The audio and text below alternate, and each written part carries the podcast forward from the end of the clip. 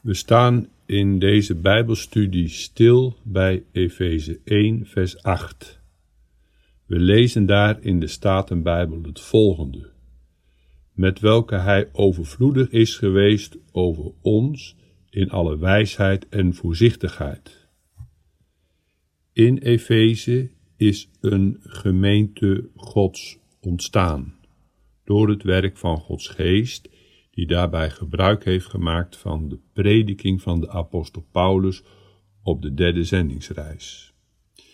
Die gemeente is door God de Vader verkoren en die gemeente wordt door God de Zoon verlost. Verlossing door zijn bloed.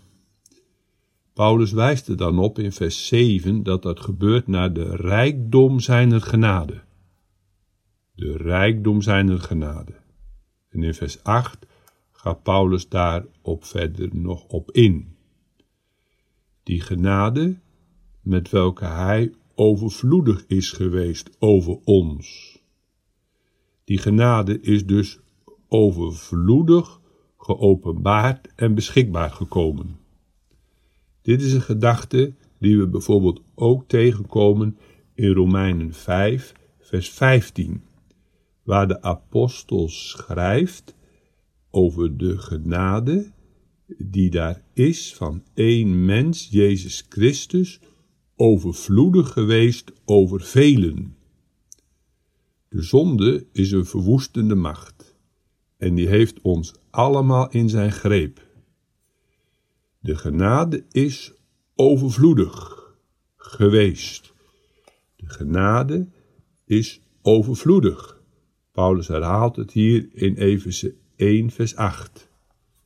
In de kanttekening op Romeinen 5, vers 15 wordt een beeld gebruikt. De kanttekenaar zegt dat het vuur een hele verwoestende kracht is. Denk je een brandend huis in of een brandend bos, dan kan dat vuur alles verwoesten. De zonde is een brandend vuur. Het verwoest alles. Maar als er water over dat vuur heen komt, wordt het vuur geblust.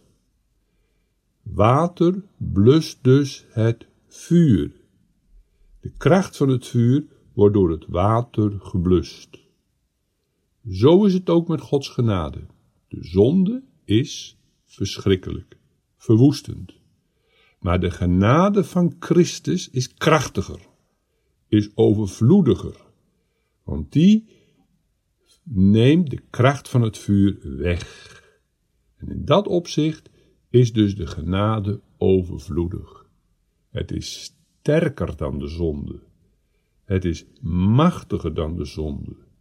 De kracht van de zonde wordt door de gerechtigheid van Christus uitgeblust. Vandaar dat de apostel schrijft, met welke hij, God de Vader, overvloedig is geweest over ons. En dan gaat het dus over de kracht der genade. Het gaat dus niet over de omvang van de genade. We weten dat niet alle mensen behouden worden, maar het gaat hier over de kracht van genade. En die is overvloedig geweest. De apostel voegde dan vervolgens aan toe in alle wijsheid en voorzichtigheid. Wijsheid en voorzichtigheid. We kunnen daarbij denken aan de wijsheid van God als een eigenschap van God, maar dat is niet de bedoeling. De bedoeling is dat de genade in de gelovigen wijsheid en voorzichtigheid met zich meebrengt. Wijsheid een gelovige ontvangt wijsheid, inzicht in Gods weg in deze wereld. Waarmee maakt de Heer zijn kinderen wijs? Nou, laat ik een paar dingen noemen. In de eerste plaats, in wie zij zelf zijn. Dat ze inzicht krijgen in hun verloren staat. In de tweede plaats, in Gods beloften en in Gods heilswerk in deze wereld en hoe ze daarin worden onderwezen en wijsgemaakt. In de derde plaats in Gods wil en de gehoorzaamheid en in het leven naar Gods wil. In alle wijsheid. Die wijsheid, die kennis van de gelovige, die geloofskennis, die is niet beperkt tot een bepaald moment, maar het is een levenslang proces. Dat gaat steeds verder door. En steeds dieper en steeds meer moeten de kinderen Gods worden onderwezen in het grote geheim van het heilswerk van Christus. Vooral de heilsgeschiedenis is hier van groot belang. Hoe de Heer door heel de geschiedenis heen eerst de Heer Jezus heeft beloofd en hoe hij tenslotte is gekomen en hoe hij door zijn weg van vernedering de zaligheid heeft verworven en hoe hij in zijn verhoging de zaligheid toepast. In alle wijsheid. We komen er nooit in uitgeleerd wat er allemaal in Christus is te vinden. Daartoe heeft de Heer ook zijn woord gegeven en de prediking en het gebed. En daarvoor heeft de Heer ook allerlei middelen, goede middelen gegeven. Bijvoorbeeld boeken over de geloofsleer, opdat we een dieper en een beter inzicht krijgen in de weg die de Heere is gegaan om zondaren zalig te maken. Alles wordt niet op één dag geleerd. De Heere werkt in het leven van zijn kinderen. En die wijsheid, dat is een ondervonden wijsheid. Dat is een wijsheid die toeneemt met de jaren. In de brief aan de Hebreeën vinden we dat terug. De schrijver van de Hebreeënbrief zegt dat we niet moeten blijven stilstaan bij de eerste beginselen. Bijvoorbeeld de bekering, het geloof in God en andere dingen. Maar dat we tot de volmaaktheid moeten voortvaren. En dan komt hij bij het werk en de persoon van de Heer Jezus en het geloof in Hem. Paulus zegt het ook in Filippenzen 3. Opdat ik Christus mogen gewinnen. Daar is hij voortdurend mee bezig geweest. En dat is een voortgaand proces geweest, ook in zijn leven, vanaf het moment van zijn bekering.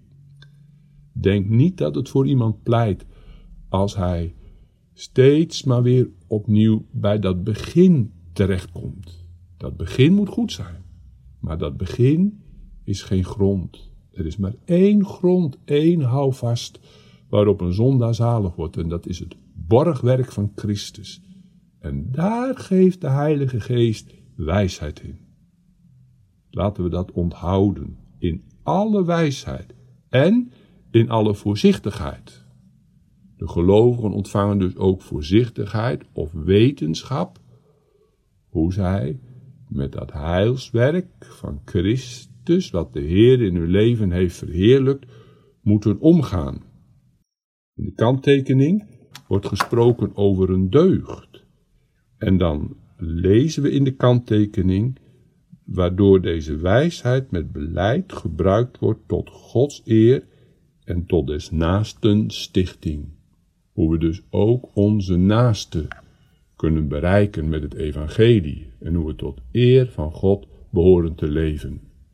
Dat is het wat de Heere aan zijn kinderen leert, om met de genade Gods in wijsheid en voorzichtigheid om te gaan, om ook onze onbekeerde medereizigers erop te wijzen hoe nu de rijkdom van Gods genade openbaar wordt in Christus voor de grootste der zondaren. Ik hoop dat je er weer wat aan gehad hebt en van harte God zegen en sterkte.